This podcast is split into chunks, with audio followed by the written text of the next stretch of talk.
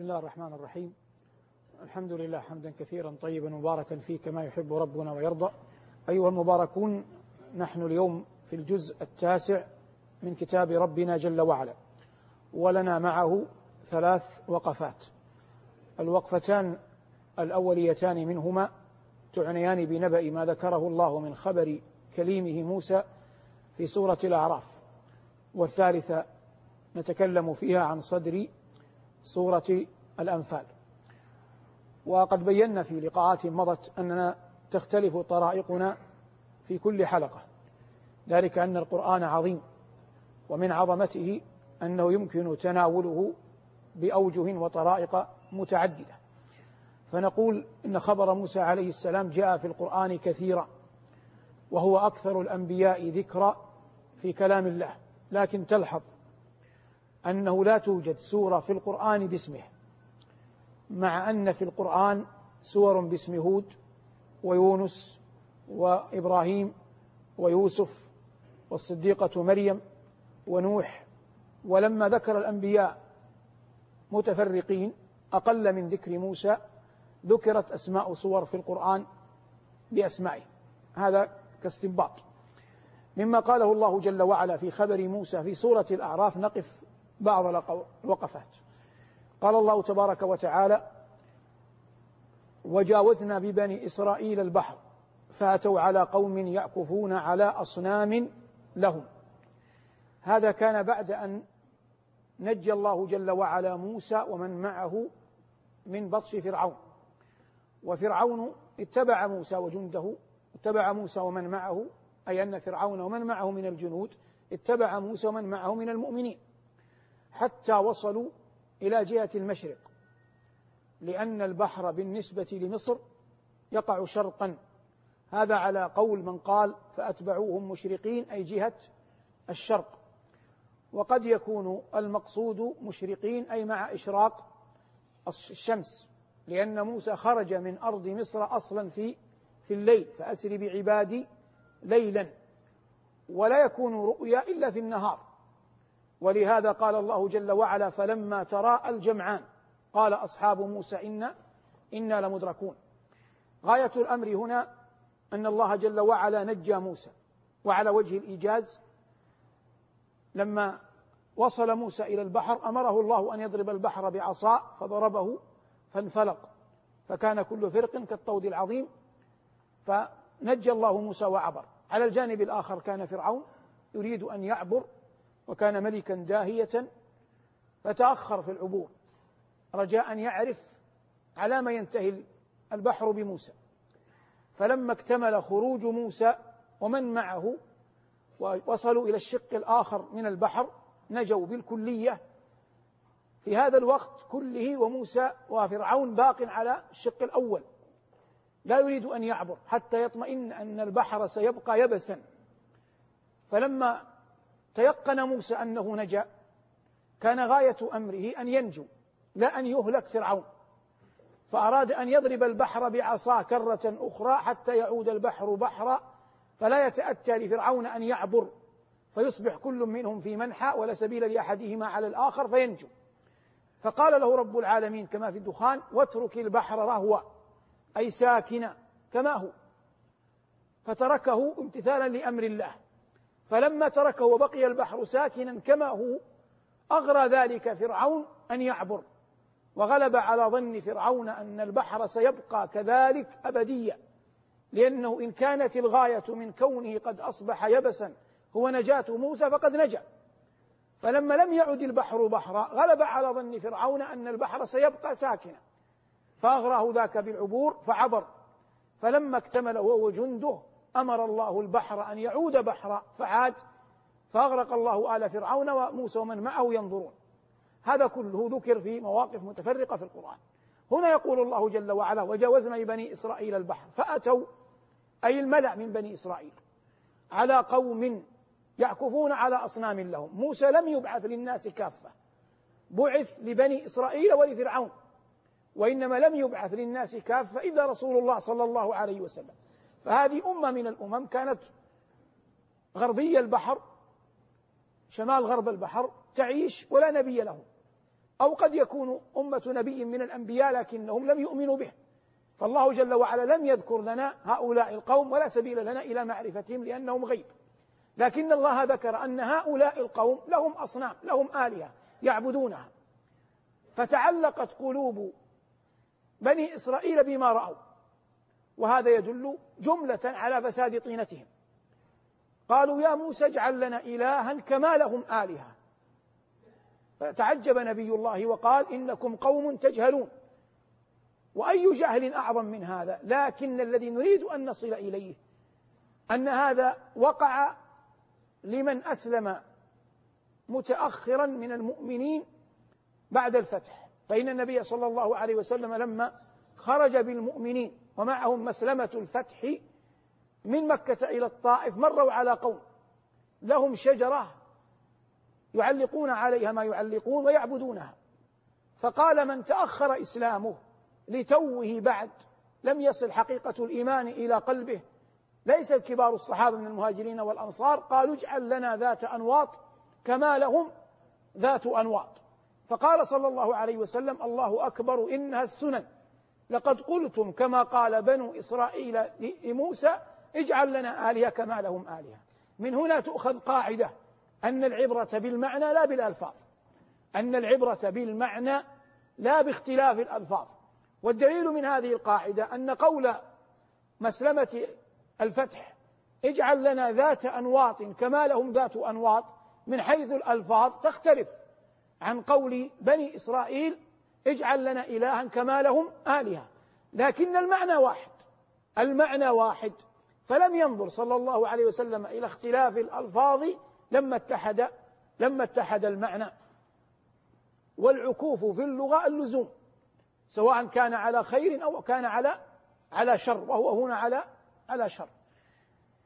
قال إنكم قوم تجهلون إن هؤلاء متبر ما هم فيه وباطل ما كانوا يعملون. قال غير الله يبغيكم إلها وهو فضلكم على العالمين. إلى أن قال ربنا وواعدنا موسى ثلاثين ليلة وأتممناها بعشر فتم ميقات ربه أربعين ليلة. كان هذا في زمن أن بني إسرائيل في أرض التيه. لما كانوا في أرض التيه وعد الله جل وعلا موسى ثلاثين ليلة. والميقات ميقاتان ميقات مكاني وميقات زماني. فالميقات المكاني كان جبل الطور ولم يذكره الله هنا لكن ذكره في صور أخرى وناديناه من جانب الطور الأيمن وقربناه نجيا. وبعد قليل سيأتي تجلى ربه للجبل. والجبل المعهود هنا ذهنيا هو جبل الطور. والميقات الزماني أتي أتي تعليمه لموسى على استدراج أو على تدرج. قال الله ووعدنا موسى ثلاثين ليلة فعبر بالليالي دون دون الأيام دون الأيام. وقد فهم من هذا أن شرائع الدين ومناسكه يعبر عنها بالليل ومنافع الناس الدنيوية يعبر عنها بالنهار لأن أكثرها يتعلق بطلوع بطلوع الشمس. فالمزارعون مثلا إنما يزرعون على البروج الشمسية لأنها ثابتة وأما شرائع الدين كدخول رمضان أو خروجه أو ثبوت الحج وأمثاله ومعرفة متى يوم الوقوف بعرفة فهذا كله متعلق بالأهلة متعلق بالليالي. ولهذا قال الله جل وعلا ووعدنا موسى ثلاثين ليلة وأتممناها بعشر قال العلماء فيما يظهر أن الثلاثين الأول هن شهر ذي القعدة. وأن العشر التي أتمها الله لموسى هي العشر الأول من ذي الحجة. فيصبح على هذا أن الله جل وعلا كلم موسى في يوم في يوم النحر العاشر من من ذي الحجة. ويدل على هذا حتى تفقه القرآن جملة لأن هذا المقصود مثل هذه الدروس. الله قال في سورة مكية قال والفجر وليال عشر. فمن حمل من العلماء أن الليالي العشر المقصود بها ليالي رمضان أبعد النجعة. لما أبعد النجعة؟ لأن هذا قرآن مكي ورمضان بعد لم ينزل بيان شرفه ولا الأمر بصيامه. ولا يمكن إحالة الناس في القسم على مجهول. لا بد أن يحال على شيء معلوم. لكن غالب الظن أن الله جل وعلا في الأعراف وهي هنا آيات مكية أخبر عن هذه العشر. ها هنا قال وأتممناها بعشر. فشاع بين المؤمنين الأوائل وبين من يسمع القرآن من مشرك قريش فضل العشر الأول من ذي الحجة وأن الله أتمها لموسى. فلما جاء القرآن المكي بعد ذلك في سورة الفجر ربنا يقول والفجر وليال عشر فهم أن هذه الليالي العشر تعود على ليالي شهر شهر ذي الحجة على ليالي شهر ذي الحجة لأنه لا بد أن يكون هناك عود على معهود إما لفظي وإما وإما ذهني. قال ربنا وأتممناها بعشر فتم ميقات ربه أربعين ليلة فأصبح الميقات زمانيا أربعون ليلة أربعين ليلة والميقات مكانيا عند جبل عند جبل الطور وفي الوقفة التي بعدها نكمل إن شاء الله تعالى ما كان من تكريم الله لنبيه موسى بن عمران عليه السلام. تعالوا ساعة نؤمن جميعا. مع القرآن. مع القرآن. قال الله جل وعلا بعد أن ذكر الميقات زمانيا قال وقال موسى لأخيه هارون اخلفني في قومي وأصلح ولا تتبع سبيل المفسدين هارون عليه السلام أكبر من موسى سنا. ولد في العام الذي لا قتل فيه. وولد موسى بعده في العام الذي فيه قتل. وهارون كان محببا في قومه جدا برأفته ورحمته. وقد قال الله جل وعلا هنا وقال موسى لأخيه هارون كلمة أخ في القرآن وردت على معان عدة. الشقيق وتطلق الأخ لغير الشقيق الإخوة لأب وتطلق بمعنى الرجلان بمعنى الرجلين من قبيلة واحدة. قال ربنا وإلى مدين أخاهم شعيبا. وقال وإلى ثمود أخاهم صالحا. فهو أخوهم في النسب العام. أخوهم في النسب العام. ويقال جاءت كلمة أخ في النسب في الإسناد إلى النسبة الإنسانية عموما. قال الله جل وعلا إذ قال لهم أخوهم لوط ولوط لم يكن يوما قط من القوم الذين بعث فيهم لأنه كان أصلا قريبا لابن أخ لإبراهيم عليه السلام فهاجر إلى سدوم وهو ليس منها البتة بالإجماع. فعلى هذا الأخوة هنا الأخوة الإنسانية. وجاءت كلمة أخ في القرآن بمعنى الشريك والخليط المخالط. قال الله جل وعلا في صاد إن هذا أخي له تسع وتسعون نعجة أي شريكي. بدليل أن الله قال بعدها وإن كثيرا من الخلطاء ليبغي بعضهم على بعض. وجاءت كلمة أخ بمعنى الشبيه بمعنى الشبيه سواء كان في, في الهيئة أو كان في المعتقد. قال الله جل وعلا في الأعراف كلما دخلت أمة لعنت أختها ليست أختها في النسب ولكن أختها في المعتقد. أي تشابهت قلوبهم فأسماهم الله جل وعلا أنهم أنهم إخوة. هنا على بابها على أصلها. وإذ قال موسى لأخيه هارون اخلفني في قومي وأصلح ولا تتبع سبيل المفسدين. فجعله يسوس بني إسرائيل نيابة عنه لما ذهب موسى لميقات ربه. قال أصدق القائلين ولما جاء موسى لميقاتنا زمانا ومكانا عند جبل الطور وكلمه ربه فمن الله على هذا العبد والنبي الصالح موسى بن عمران بأن الله جل وعلا كلمه. وهذا فضل من الله يؤتيه من يشاء من عباده. ولا ريب أنه موئل كريم ومنزل شريف وعطية عظمى. قال الله وكلم الله موسى تكليما. قال ربنا هنا ولما جاء موسى لميقاتنا وكلمه ربه فشعر موسى بلذة مناجاة رب العالمين جل جلاله. وقد شعر بها من قبل لأن هذا التكليم تكليم ثان وليس تكليما أولا. التكليم الأول وقع عندما كان موسى عائدا من أرض مدين إلى أرض مصر. فكلمه الله. اخلعنا عليك إنك بالوادي المقدس طوى وأنا اخترتك فاستمع لما يوحى إنني أنا الله لا إله إلا أنا فاعبدني وأقم الصلاة لذكري كل ذلك وموسى يسمع. فوقع في قلبه عظمة مناجاة الله. فلما ابتدره الله بالكلام وسأله وما تلك بيمينك يا موسى؟ أراد أن المقام يطول والحديث يستمر والفرحة لا تنقطع. فأخذ يطيل في الجواب. قال هي عصاي أتوكأ عليها وأهش بها على غنمي ثم غلبه الأدب. فأتوقف وقال ولي فيها مآرب أخرى. رغم أن الله لم يسأله لما هذه العصا وكان الجواب يكتفى بأن يقال ما تلك بيمينك يقول عصاي. لكنه أراد أن يبقى على هذا الشرف. فتنازعه في قلبه أمران البقاء على الشرف والأدب. مع رب العالمين جل جلاله. قال الله جل وعلا ها هنا في الموقف الثاني وكلمه ربه. قال ربي أرني أنظر إليك.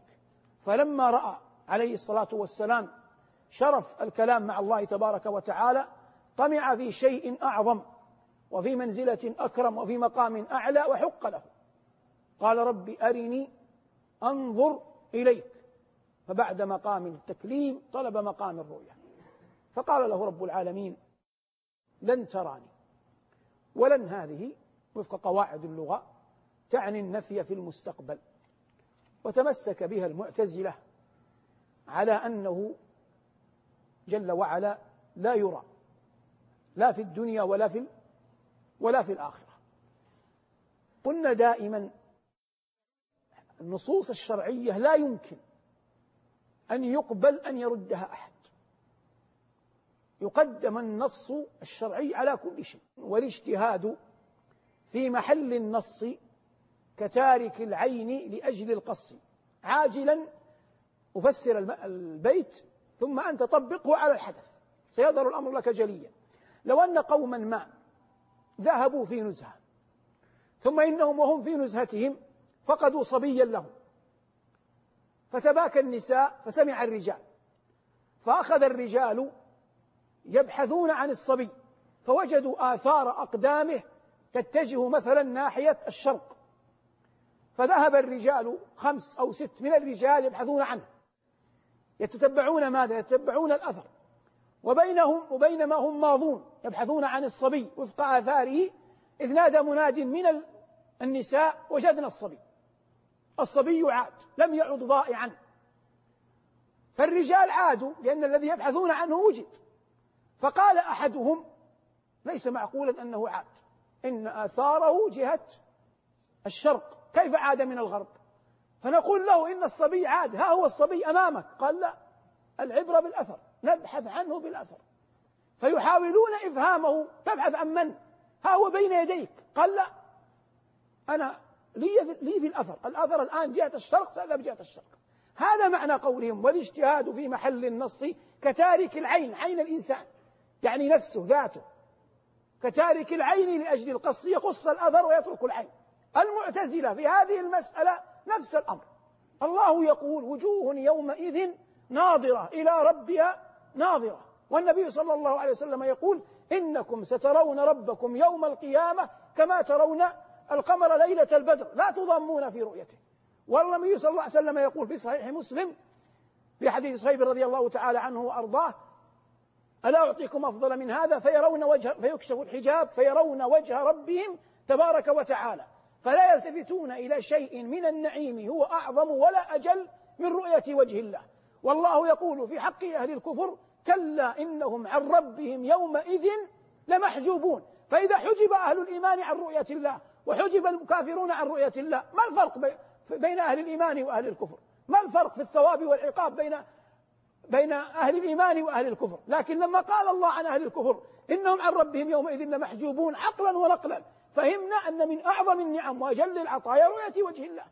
كل هذه النصوص الظاهرة جعلها المعتزلة خلف ظهرهم وتمسكوا بلن هذه وقالوا إن لن هنا إن لن هنا تفيد التأبيد. مع أن لن هنا لا تفيد التأبيد حتى بنص القرآن. فإن الله تبارك وتعالى قال عن قال عن اليهود ولن يتمنوه أبدا. أي الموت.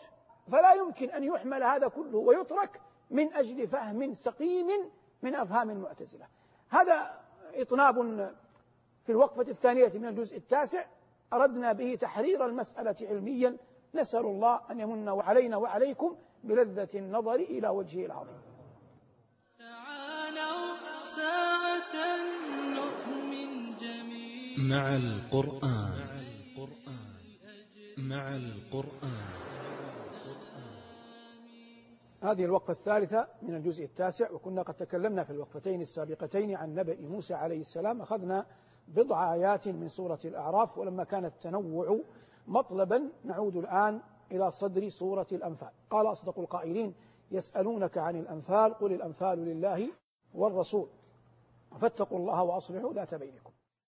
وقوله جل وعلا يسألونك بالمضارع فيه قرينة على أن هذا السؤال تكرر فما أصل المسألة؟ أصل المسألة هذه الأنفال من أوائل ما نزل. لما كان يوم بدر لم يكن للنبي صلى الله عليه وسلم مشهدا قبل بدر. فلما حاز المسلمون الغنائم أي جيش؟ لا يمكن أن يكون جميع أفراد الجيش على حال واحدة. فبعضهم كان مكلفا بحراسة النبي في العريش وبعضهم تتبع من فر من قريش وبعضهم شغل بالمرضى. فكل فرقة في الجيش كان لها منحى. فلما وجدت الغنائم اختلفوا الغنائم تذهب لمن؟ لأي فرقة؟ ولم يكن هناك شيء متوارث مسبوق يعرفون من خلاله كيف يوزعون الغنائم. فلما اختلفوا أخذوا يسألون عن الغنائم. فهم لا يريدون هنا طلب الغنائم وإن كان هذا تبع لكنهم يسألون ما الحكم في الغنائم؟ يريدون أن يعرفوا الحكم في الغنائم.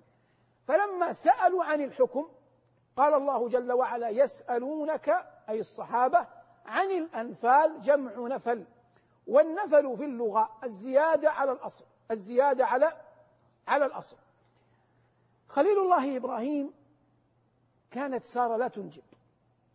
فأخذ يسأل الله الولد ربي هب لي من الصالحين. فأعطاه الله الولد من من سارة؟ إسحاق. في حياة إبراهيم؟ هو سأل الله الولد. رزقه الله إسحاق ورزقه من إسحاق من؟ يعقوب. فيعقوب يسمى نافلة لأنه زيادة على الولد. ولد الولد زيادة على من؟ زيادة على الولد. ولهذا قال الله جل وعلا وهبنا له يعقوب نافلة. زيادة على الولد الذي هو إسحاق. أي جيش يريد أن يحارب ويقاتل عدوا؟ ماذا يريد من العدو؟ يريد أن ينتصر على العدو أن يبيد عدوه حتى يأمن شره. هذا الأصل. ما الزيادة على إبادة العدو وعلى هزيمته وعلى التشريد به؟ الغنائم. فتسمى الغنائم ماذا؟